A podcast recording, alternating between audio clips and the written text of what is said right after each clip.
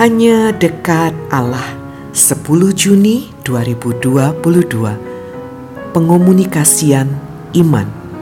Lukas 18 ayat 15 sampai 17 Biarkanlah anak-anak itu datang kepadaku dan jangan kamu menghalang-halangi mereka sebab orang-orang yang seperti itulah yang empunya kerajaan Allah. Demikianlah nasihat Yesus kepada para murid yang memarahi beberapa orang tua yang rindu Yesus memberkati anak-anak mereka.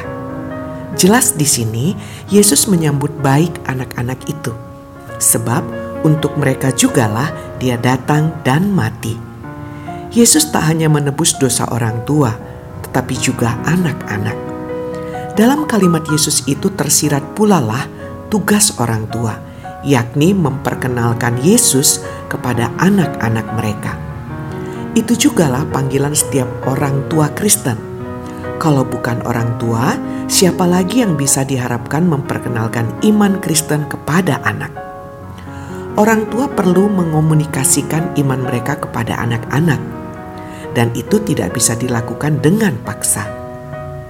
Indoktrinasi jelas bukan cara baik untuk memperkenalkan iman Kristen orang tua perlu berdialog dengan anak-anak mereka. Bagaimanapun, mereka juga pribadi yang punya kehendak bebas. Nah, syarat utama dalam memperkenalkan Yesus kepada anak-anak ialah para orang tua harus sungguh-sungguh mempercayai apa yang diimaninya. Gak lucu bukan jika para orang tua sendiri tidak mempercayai apa yang diceritakannya kepada anak-anak mereka. Lagi pula, bicara soal iman tak cuma hanya bicara soal pengetahuan, tetapi juga sikap dan perbuatan. Artinya, orang tua haruslah dapat menjadi pribadi yang patut diteladani. Orang tua harus sungguh-sungguh memperlihatkan perbuatan-perbuatan yang selaras dengan apa yang mereka katakan. Sedikit contoh, jika orang tua mengajarkan betapa pentingnya doa, maka mereka pun harus menghidupi doa mereka Sangat aneh rasanya orang tua minta anak berdoa, tetapi mereka sendiri jarang berdoa.